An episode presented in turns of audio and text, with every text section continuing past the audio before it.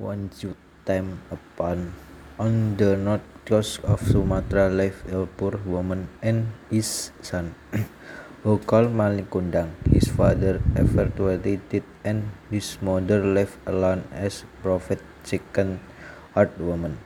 Malingkundang grew up as a skillful young boy. He always helped his mother to earn some money. One day, Malingkundang devised going to overseas and promised to back, come back. After several years had gone by, Malin Kundang finally decided to return to his village. He arrived wearing one robe and traveling on the of his sleep. Someone and arriving in such splendor was uncommon to the village, so many of them went down harbour to view the sight.